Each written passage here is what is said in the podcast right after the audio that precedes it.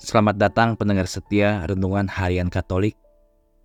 Pada Jumat pekan ke-28 dalam masa biasa, ajaran kita datang dari Lukas 12 ayat 1 sampai dengan 7. Yesus mulai berkata kepada muridnya, Jangan takut kepada mereka yang membunuh tubuh, tetapi setelah itu tidak dapat melakukan apa-apa lagi. Namun, aku akan memperingatkan kalian kepada siapa kalian patut takut.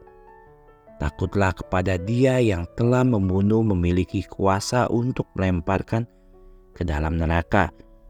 Aku katakan kepadamu, takutilah dia. Bukan lima burung pipit dijual dengan dua peni, namun tidak satu pun dari mereka yang terlupakan di hadapan Allah. Jangan takut, kamu lebih berharga daripada banyak burung pipit. Sahabat, kita biasanya sering mendengar Yesus berkata, "Jangan takut." Tapi ini adalah pertama dan terakhir kalinya kita mendengarnya berkata, "Takutlah." Takutlah kepada musuh yang dapat melempar kita ke dalam neraka. Iya, aku katakan kepadamu, takutilah dia, kata Yesus. Jika perkataan Yesus hanya berhenti di situ, mungkin terdengar agak menakutkan. Tetapi kemudian dia melanjutkan, "Allah tidak melupakan burung pipit, jadi janganlah takut. Kamu lebih berharga daripada banyak burung pipit." Ini lebih baik, bukan, sahabat? Jangan takut, lebih menyerupai Yesus.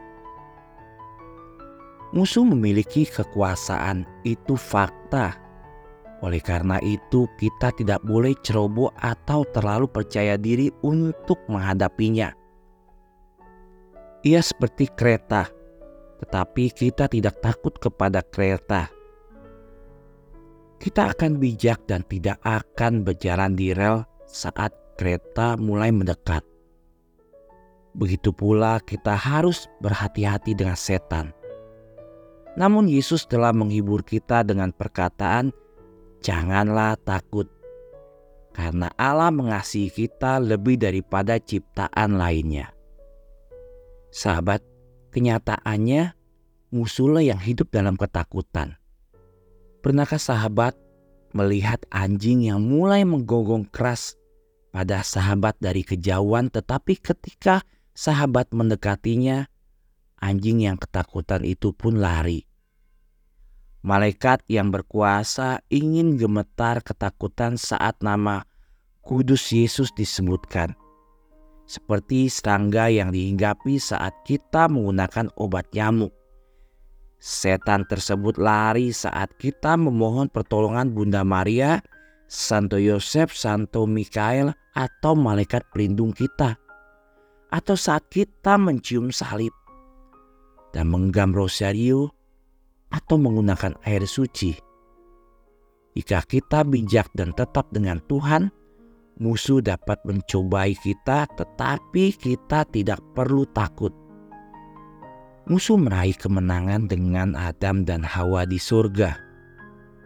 Tetapi sejak Yesus mati di kayu salib, musuh itu selalu berlari ketakutan. Engkau Maria yang paling berkuasa telah menghancurkan kepala ular yang sering digambarkan dengan apel yang terjepit di mulutnya. Anak-anakmu tidak takut jika mereka dekat denganmu, Bunda. Bunda Maria harapan kita dan tata kebijaksanaan, doakanlah kami.